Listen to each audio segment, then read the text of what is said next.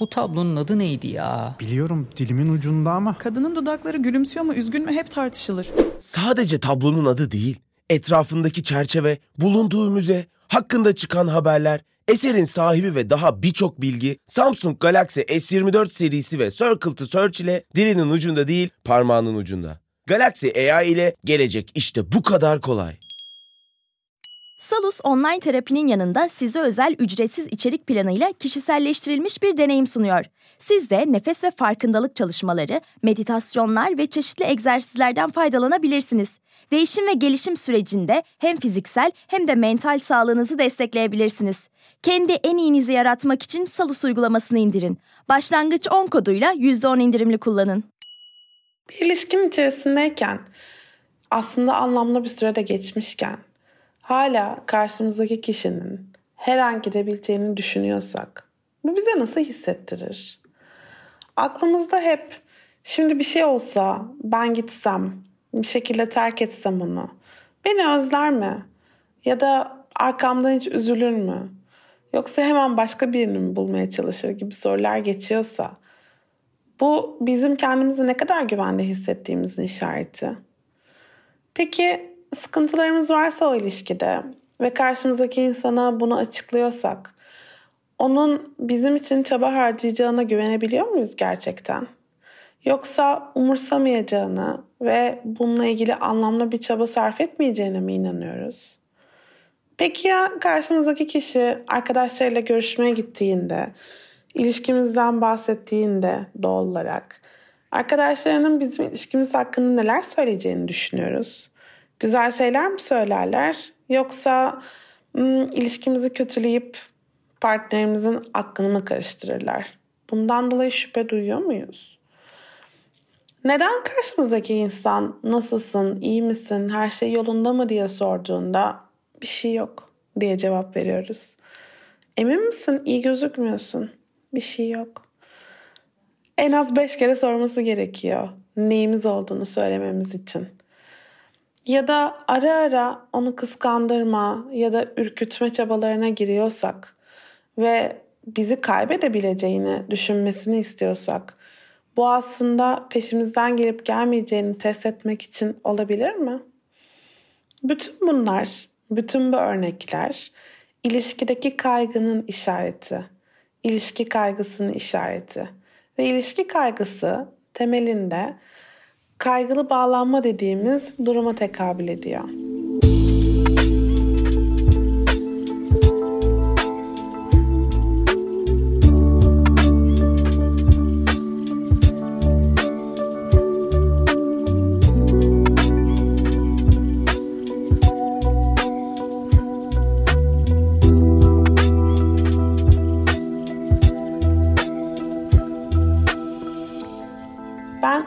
Psikolog doktor Gizem Sürenkök. Yakın İlişkilerin Ben Nereden Bileyim serisinin bu bölümünde kaygılı bağlanmayı ben nereden bileyim diyoruz ve onun hakkında konuşuyoruz.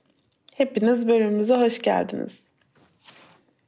Psikoloji literatürünün en önemli kuramlarından bir tanesi bağlanma kuramı. Bu podcast'i dinleyenler bu kavrama aşina olabilirler. Zira yakın ilişkiler içerisinde benim durup durup anlattığım, birçok davranışı açıklamakta kullandığım önemli kuramlardan bir tanesi. Ama bizi ilk defa dinliyorsanız bağlanma kuramına çok hızlıca bir göz gezdirmekte fayda olduğunu düşünüyorum. Temelinde insanların hayatta kalmasını sağlamak olan bağlanma kuramı şunu söyler. Hepimizin bir kişiyle, en az bir kişiyle sıcak ve kesintisiz bir ilişki kurmaya ihtiyacı vardır.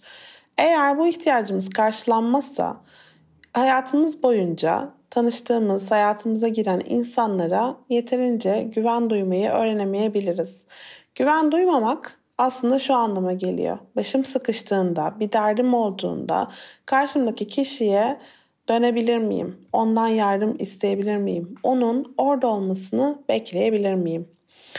Çocukluğumuzda edindiğimiz deneyimler, çocukluğumuzda ebeveynlerimizle geçirdiğimiz yaşantılar aslında bu anlamda bizim zihnimizdeki güvene dair şemaların oluşmasına sebep oluyor. Şema derken aslında böyle çok teknik bir terim kullanmak istemiyorum. Çok basit haliyle şunu söylüyorum. Eğer ihtiyaçlarımız olduğu zaman bu ihtiyaçlarımızı giderecek temel figürün hemen orada olabileceğine inanıyorsak, yani düştüğümüzde dizimiz kanadığında elimizden tutup bizi kaldıracak bir insanın varlığından eminsek bu bizim güvenli bağlandığımızın işareti. Ama hepimiz her zaman bu kadar şanslı olmayabiliyoruz. Bazılarımızın erken çocukluk deneyimlerinde düştüğü zaman hiç kaldırılmamak var. Dizimiz açılsa da kanasa da hiçbir şekilde kimsenin bizimle ilgilenmemiş olması var. Ya da hatta bazılarımızın ama ne olacak ondan alt tarafı dizin kanıyor kalk normal hayatına geri dön laflarını duymuşluğu var. Bu şekilde tutarlı bir şekilde sürekli böyle davranılan çocuklar ilerleyen hayatlarında düştükleri zaman kimsenin onları kaldırmayacağından emin oluyorlar ve kendi başlarının çaresine bakmayı öğreniyorlar. Bu çocuklara daha çok kaçıngan bağlanan çocuklar diyoruz ve yetişkinliklerinde de genelde böyle bağlandıklarını biliyoruz. Ama bu podcast'in konusu kaçıngan bağlananlar değil. Kaygılı bağlanan çocuklar düştükleri zaman dizleri kanadığında dönüp baktıklarında ebeveynlerini bazen orada buluyorlar, bazen orada bulamıyorlar. Yani ihtiyaçlarının karşılanmasına dair beklentileri zaman zaman karşılanıyor, zaman zaman karşılanmıyor. Böyle olunca bir sonraki düşmelerinde yanlarında birini bulup bulamayacaklarını bilmiyorlar. Peki yanlarında birini bulmayı nasıl sağlayabilirler? Düşününce eğer daha kocaman ağlarlarsa, daha büyük yaygara kopartırlarsa, yani reaksiyonlarını normalde olacağından daha da büyük hale getirirlerse birilerinin yanlarına gelme ihtimali daha büyük. Bunun ne kadar büyük bir öğreti olduğunu düşünsenize. Yani ben ihtiyacım olduğunda birinin orada olmayabileceğini düşünüyorum ve onun orada olmasını sağlamak için tepkilerimi elimden geldiği kadar en iyi bildiğim şekliyle yani abartmaya çalışıyorum. Bu daha çok öfkelenmek olabilir, daha çok ağlamak olabilir, yere kapaklanıp tepinmek olabilir, çığlığı basmak olabilir. Küçük bir çocuk için yüksek tepki ne demekse olabilir. Peki ben bunları öğrenerek büyürsem yetişkinlikte ne yapmayı beklerim? Aslında yine aynı şekilde tepkilerimi normalde olacağından biraz daha abartılı yaşamayı bekleyebilirim. Buna biz hiperaktivasyon diyoruz ve kaygılı bağlanan insanlarda stres durumlarında genellikle bu hiperaktivasyonun yani abartılı tepkinin oluştuğunu görüyoruz. Peki nedir aslında kaygılı bağlanan insanlarda stres oluşturan durumlar? Her türlü ilişkisel problem veya problem olması bile gerekmiyor. Her türlü olumsuz ipucu veya nötr ipucu kaygılı bağlanan insanda kaygı uyandırabilir. Şimdi duydunuz olumsuz ipucu dedim, ilişki problemi dedim. Bunları tanımlamak daha kolay. Mesela karşımızdaki insanı arayıp aradığımızda açmıyorsa, onunla konuşmaya çalıştığımızda bizimle yeterince iletişim kurmuyorsa, ona soru sorduğumuzda yeterince ihtiyacımızı giderecek cevapları alamıyorsak, elini tutmaya çalıştığımızda elini çekiyorsa veya tartıştığımız zamanlarda bize kötü davranıyorsa bunlar zaten çok alenen, çok gözle görülebilir negatif işaretler. Bunları alıp olumsuz değerlendirmek son derece kolay. Hatta o kadar ki ilişki kaygısı olmayan bir insanı bile kaygılandırabilecek durumlar bunlar. Ama kaygısı yüksek insanlar sadece bu durumları olumsuz algılamakla kalmıyorlar ki dediğim gibi bunlar normal olandı. Üzerine bir de nötr olabilecek hatta belki bazı insanlar tarafından olumlu sayılabilecek işaretleri bile olumsuz algılayabiliyorlar. Yani kaygılı bağlanan insanlar bir türlü ilişkin içerisinde güvende ve emniyette olduklarından emin olamıyorlar. Nasıl yani derseniz mesela akıllarında hep Acaba karşımdaki beni özler mi? Acaba beni karşımdaki yeterince seviyor mu? Acaba karşımdaki kişi için yeterince iyi miyim? Acaba karşımdaki kişi bir başkasını bana tercih eder mi? gibi sorular sormaktan vazgeçemedikleri için zihinleri hep bu kaygıyla meşgul oluyor. Öyle olduğu için karşı taraftan çok aleni, çok böyle gözle görülür somut bir sevgi, ilgi, şefkat ipucu yakalayamadıklarında işte o zaman kaygılarından dolayı bazen daha büyük tepkiler göstermeye meyilli oluyorlar. Bunun da üzerine bir de şunu yapma davranışları olabiliyor. Mesela ilişki içerisinde tartışmalar yaşandığında o tartışmaların normal seyrinde sönümlenmesine izin vermeyip tam yatışabilecekken tekrar tartışmayı başlattıkları, tam sakinleşebilmiş gibi gözükmüşken ama bir de şunu demiştin diyerek tekrar tartışmayı yeniden başlattıkları sık gördüğümüz bir eğilim. Başka bir deyişle kaygılı insan bir kavganın sonunda hızlıca rahatlayamıyor. Karşı taraftan olumlu işaretler alsa bile tam kendi isteğine uygun işaretleri aramaya devam ediyor. Mesela diyor ki ama bana şu şu şu cümleleri kurmadın. Ama bana şu şekilde sarılmadın. İyi ama tamam bütün o güzel şeyleri söyledin. Belki bana sarıldın, sıcaklığını hissettirdin ama beni öpmedin. Yani sürekli o kavga uzuyor, uzuyor. Kaygılı kişi daha çok emin olmak istiyor. Barıştık mı? Gerçekten karşımdaki insan beni seviyor mu? Gidecek mi? Şimdi tamam kalacağım dedi ama doğruyu söylüyor mu? Ya yanlış söylüyorsa? O yüzden böyle tekrar tekrar sormak, tekrar tekrar sevildiğini, bu tartışmanın uzamayacağını, en azından karşı taraf tarafının uzatılmayacağını duymak istiyor. Ve bu sürekli bir rahatlatılma ihtiyacı aslında sadece kavganın değil, ilişkinin de seyrini belirliyor. Bu seyrin altında aslında belki şaşırtıcı, birçok insan için şaşırtıcı ama hep bir terk edilme korkusu var. Yani karşındaki insan bizi çok sevse bile, bu sevgisini gerçekten çok güzel gösterse bile, ilişkimizde her şey yolundaysa bile her an terk edilmeyi bekliyor kaygılı birey. Yani her şey güllük gülistanlıksa bile her an bir problem olacak. İlişkide bir sıkıntı olacak. Henüz açığa çıkmamış bir sorun biraz sonra açığa çıkacak ve partnerim zaten benimle durmayı istemeyecek. Hep akıllarında bu. Çünkü düşünce karşı tarafın zaten orada olmamak için bir bahane aradığı yönünde. Yani seviyorsa bile partnerimiz bizi aslında sevmediğinin farkında olmadığı içindir seviyorsa bile bizi şu anda aslında daha iyisinin mevcut olduğunu henüz idrak edemediği içindir gibi bir bakış açısı oluyor kaygılı bağlanan bireylerin. O yüzden biraz daha partnere karşı e, hep orada olmalıyız, hep birlikte olmalıyız, hep birlikte plan yapmalıyız, e, hep ben senin nerede ne yaptığına dair bilgi sahibi olmalıyım gibi biraz fazla kontrolcü, biraz fazla kıskanç davranışlar da sergilemeye meyilli oluyorlar. Tabii ki burada yapmaya çalıştığım şey bu davranışların altında yatan sebepleri açıklayarak Aa, bu davranışları ma- mazur görelim demeye çalışmıyorum. Sadece bu davranışları açıklayarak karşımızdaki insanın bizden talep ettiği davranışların arkasında ne gibi motivasyonlar yattığını bilelim istiyorum.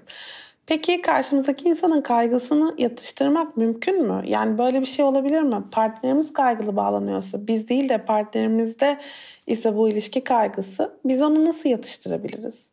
Aslında kaygılı partnerle birlikte olmak bolca sabır gerektiriyor.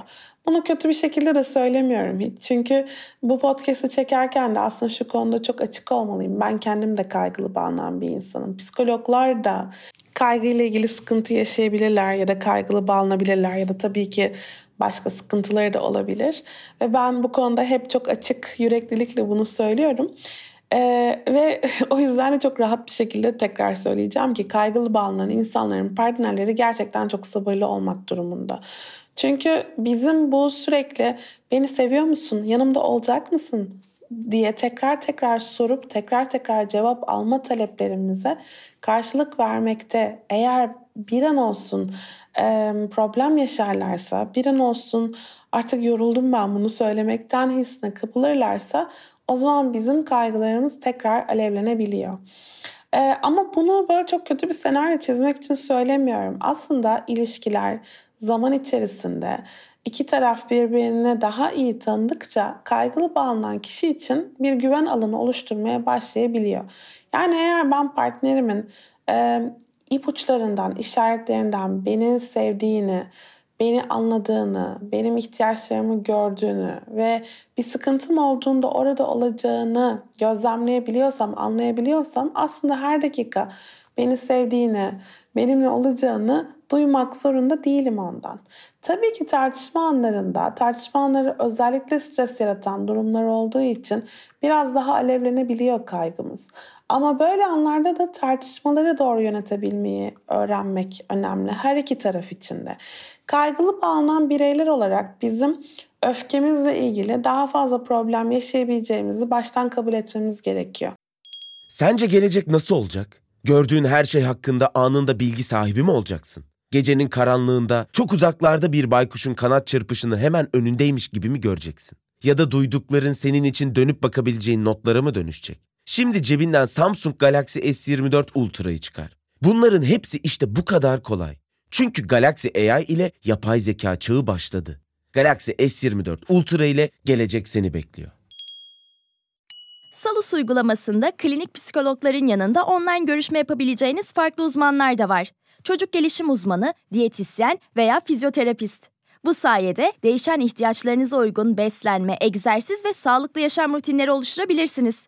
Salus uygulamasını indirin ve başlangıç 10 koduyla %10 indirimden yararlanın. Detaylar açıklamalarda ve salusmental.com'da.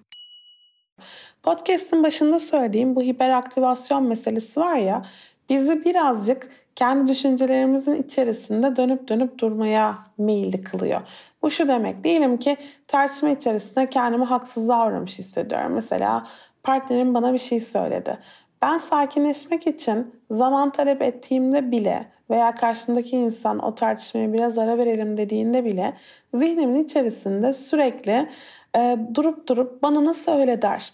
Bana neden böyle şeyler söyledi? Hiç hak etmiyorum ben bunu aslında. Biraz sonra tekrar konuşmaya başladığımızda bununla ilgili hesap sormalıyım ondan gibi düşünceler geçebiliyor aklımızdan. E, öyle olunca mesela o ara vermiş olmayı hiçbir şekilde sakinleşmek, zihnimizi olumsuz düşüncelerden arındırmak için kullanmıyoruz. Aslında zihnimizin içerisinde biraz sonra yaşayacağımız tartışmanın e, provalarını yapıyoruz. Ve öyle olunca sakinleşmemiş halimizle tartışmaya geri döndüğümüzde partnerimizin ve kendimizin tansiyonunu tekrar yükseltmek bizim için hiç de zor olmuyor. O yüzden de aslında e, bizim kendimizi yatıştırmayı, kendi kendimizi sakinleştirmeyi öğrenmemiz yapmamız gereken ilk şeylerden bir tanesi.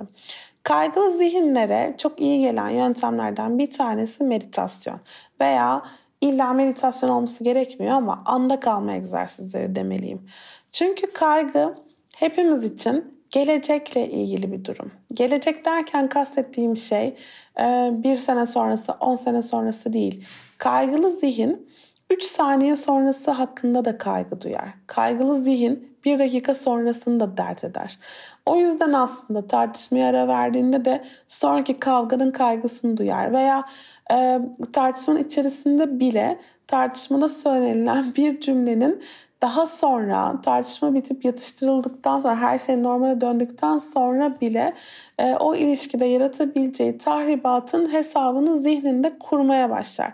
Yani o sürekli çok çok çok çok çok düşünme hali, ruminasyon yapma hali kaygılı zihin için eğer zihin durdurulmuyorsa çok normaldir. Bu sebeple anda kalma egzersizleri bizi gelecekten şu anki ana getirir. Biraz sakinleştirir. Tamam bak o korktuğun tartışma şu anda olmuyor. Olmama ihtimali var. Ve bu kendi kendimizi telkin etme. İngilizce'de self-talk diye de geçiyor. Yani kendi kendimize konuşma halinin çok büyük faydaları olduğunu biliyoruz. Yani biz kendimizle hayır bu durum yatışacak. Şu anda bu tartışmanın içerisinde birbirinizi kırabilecek şeyler söylemiş olabilirsiniz. Ama aslında belki de bu anın stresiyle birbirinizi yanlış anlıyor durumdasınız ve biraz sonra tekrar konuştuğunuzda karşımızdaki insanın bize söylediklerini daha farklı algılayabilir olacağız cümlesini kendi kendimize söylememiz aslında tartışma içerisinde bizi yatıştıracak önlemlerden bir tanesi. Bununla birlikte o arayı bizim talep etmemiz, o ara esnasında zihnimizi dağıtacak. Bu bir telefon konuşması olur, girip bir duş almak olur, e, yapabiliyorsak bir e, bir dizinin bir bölümünü seyretmek olur. Yani birazcık e, odak noktamızı oradaki olumsuzluktan başka bir şeye çevirmek e, kaygımızı yönetmek anlamında gerçekten yardımcı oluyor. Tabii ki ilişkiler sadece tartışma anlarından oluşmuyor ve e, kaygılı bağlanma davranışlarımız bizi sadece tartışma anlarında yakalamıyor. Kaygılı bağlanan bireyler genellikle ilişkilere başladıkları andan itibaren kaygılarını karşı tarafı bir şekilde aktarıyorlar. Nasıl oluyor? Karşımızdaki insanın bizi terk etme ihtimali olduğundan sürekli olarak şüphelendiğimiz için onu kendimize bir an önce bağlamaya çalışıyoruz. Bunu yaparken çoğunlukla ona bir an önce içimizi açıp onunla gelecek planları yapmaya çalışıyoruz. Mesela daha iki haftadır birlikteyken oturup gelecek yazın planı yapıyorsak bu karşımızdaki insan için biraz korkutucu olabiliyor. Veya ona çok daha hızlı sevgi sözcükleri söylüyor veya ilişkin içerisinde kendi ihtiyaçlarımızdan biraz vazgeçip partnerimizin ihtiyaçlarını kendi ihtiyaçlarımızın önüne koyabiliyoruz veya e, çok hoşlanmadığımız şeyler olsa dahi ilişkide aman e, bana olan sevgisi bitmesin, aman bir şekilde her şey yoluna gitsin diyerek e, problemlerimizi dile getirmekten kaçınıyoruz. Ancak bu tip davranışlar yani problemleri dile getirmemek veya sınır ihlallerinden bahsetmemek daha önceki podcastlerimde bağlanma stilinden bağımsız olarak söylediğim bir şeye sebep oluyor. O da öfke patlamaları. Yani zaten haksızlığa uğradığını düşünmeye meyilli olan kaygılı bireyler sınır ihlalleri ve ihtiyaçlarının göz ardı edilmesi durumunu bir süre sonra e, büyük öfke patlamalarıyla karşılarındaki insanlara aktarıyorlar. Ama böyle olunca e, ilişkideki o öfke yoğunlukları tolere edilemeyebiliyor. Bir de tabii kaygılı bireylerin yaşadığı reddedilme hassasiyeti durumuna da değinmeden geçmek istemiyorum. Kaygılı bireyler erken çocukluk döneminde reddedilme deneyimini yaşadıkları için bu reddedilme deneyimini ilişkilerinde de beklemeye meyilli oluyorlar. Öyle olunca partnerlerinin ipuçlarını sürekli kollayıp hangi durumda aslında onları reddettiklerini yakalamaya çalışıyorlar ve böyle olunca küçük şeylerden, e, küçük durumlardan büyük sonuçlar çıkarıp tabiri caizse çok sevmem bu kelimeyi kullanmayı ama alınganlık yapabiliyorlar, yapabiliyoruz. Ee, ve bunu genellikle de e, partnerimize büyük tepkilerle gösteriyoruz ve ilişki problemleri ortaya çıktığında da bak gördün mü ben biliyordum zaten benimle ilgili sorunları olduğunu diyerek aslında kendi kehanetimizi kendimiz gerçekleştirmiş oluyoruz. İşte bu durumlardan uzak kalmanın yöntemlerinden bir tanesi de o olumsuz beklentilerle ilgili çalışmamız. Yani biz ilişkinin içerisinde zaten her şeyin ters gideceğini düşünüyorsak bir şekilde ilişkiyi sabote etmeye de daha meyilli oluyoruz. Bunu şuradan da anlıyorum. Mesela ben bu hafta bu podcast'i çekeceğim için sosyal medyada kaygınız neler tetikliyor diye sorduğumda gelen cevaplarda sıklıkla belirsizlik durumları veya karşı taraftan e, sevildiğimi sürekli duymamak gibi cevaplar vardı. E, ve bu bana şunu düşündürttü. Dediğim gibi yani kendim de bundan muzdarip olduğum için belki o belirsizlik durumlarını bazen de biz belirsizlik olarak algılıyoruz. Yani bazen aslında her şey güzel bir şekilde ortadayken biz olumsuz olan ipuçlarını okumaya daha meyilli olduğumuz için ve olumlu ipuçlarını biraz daha dışarıda bıraktığımız için zihnimizde türlü bilişsel çarpıtmalarla durum olduğundan daha negatif algılayabiliyoruz. Şimdi bunları söylediğim zaman ee, şunu söylemeye çalışmıyorum. Hayır ilişkileriniz çok iyi ama kaygılı bağlanan bireyler olarak siz onları kötüye yormaya meyillisiniz demeye çalışmıyorum tabii ki. Yani e, burada objektif olmakta fayda var. Şunu söylemek istiyorum. Kaygılı bağlanan bireyler olarak size kendinizi güvende hissettirmeyen, belirsizlik durumunu körüklemeyi seven, sizi sürekli tehdit altında hissettiren insanlarla birlikte olmaktan kaçınmalısınız. Yani aslında sevgisini, ifade edemeyen, bunu illa dile dökemeyen demiyorum bakın. Herhangi bir yolla sevgisini göstermeyen, sizi kıskandıran, size sürekli olarak bir sıkıntı olabileceği sinyalini veren insanlar sizin ilişki kaygınıza hiç iyi gelmezler. Böyle insanlarla ilişkinizi sürdürdüğünüz zaman aslında yönetebileceğiniz bir kaygı seviyeniz varsa bile bunu yönetememeye başlıyorsunuz. O yüzden de partner seçimi burada çok kritik. Yani bize kendimizi iyi hissettirecek, bize kaygımızla başa çıkarken yardımcı olabilecek, bize sabırlı, anlayışlı, şefkatli yaklaşabilecek insanlara ihtiyacımız var. Ve bu sebeple e, partnerinizi bu anlamda değerlendirmemiz çok önemli. Ama burada şunu da eklemeden geçmek istemiyorum. Kaygılı bağlanan bireylerin partnerleri kendileri bu konuda e, partnerlerine destek olsalar dahi bazen kendilerini çok yetersiz, çok beceriksiz hissedebiliyorlar. Yani kaygılı bağlanan bireyler e, hep daha fazla sevgi gösterisi talep ettikleri için bir süre sonra partnerleri ama ben elimden gelen her şeyi yapıyorum yine de karşımdaki insanın kaygısını yatıştıramıyorum duygusuna kapanabiliyor. Üstelik de kaygılı bağlanan bireyler olarak biz kendimizi olayların merkezine koyup her şeyi bizim üzerimizden algılamaya yani egosentrik davranmaya daha meyilli oluyoruz. Böyle olduğunda karşımızdaki kişinin ihtiyaçlarını gözden kaçırabiliyoruz. Yani biraz şöyle bir durum aslında. Karşımızdaki kişi bize bir problemini anlatırken aman canım o da bir şey mi gel önce benim kaygımla ilgilenelim gibi bir şey talep etmeye başlayabiliyoruz. Bu da karşımızdaki insana görülmemiş, duyulmamış hissettirebiliyor.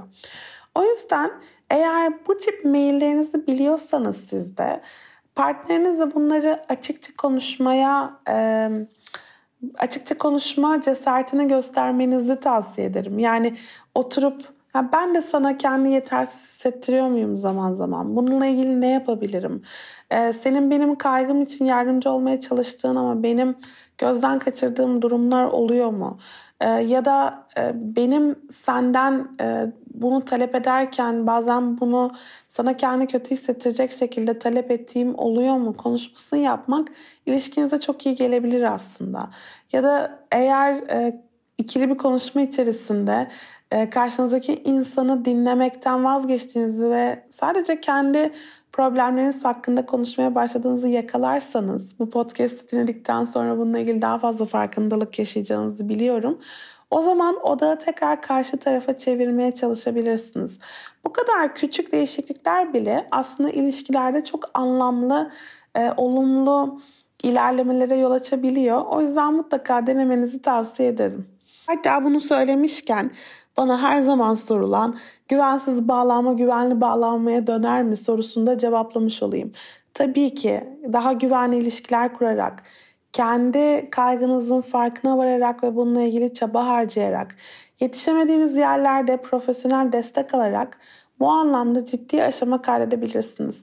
Bir bağlanmayı, güvenli, güvensiz bir bağlanmayı, güvenli bağlanmaya çevirmenin en önemli yolu aslında güvenli bir ilişkinin içerisinde olabilmemiz ve kendi e, kaygımızla nasıl başa çıkabileceğimizi öğrenmemiz. O yüzden burada iyi bir ilişki ve profesyonel destek en iyi çözüm diyebiliriz çok rahatlıkla. Her zamanki gibi bana bu podcast'te de yorumlarınızla, sorularınızla, mesajlarınızla yardımcı olduğunuz için çok çok çok teşekkür ederim. Umarım kaygılı bağlanma hakkında kafanızdaki soruların bir kısmına cevap alabilmişsinizdir. Eğer aklınızda başka sorular kaldıysa da bana mutlaka yazın. Nasıl ulaşacağınızı biliyorsunuz tabii ki. Ee, ve bir sonraki podcastimizde biraz da kaçıngan bağlanmaya değinmek istiyorum hem kendisi kaçıngan bağlanan hem de partnerleri kaçıngan bağlanan insanlara e, biraz bilgi vermek, biraz onların tecrübelerinden bahsetmek istiyorum. E, umarım o bölümü de heyecanla beklersiniz. Hepinize sevgilerimi gönderiyorum ve çok güzel bir hafta diliyorum. Sevgiyle kalın, hoşça kalın.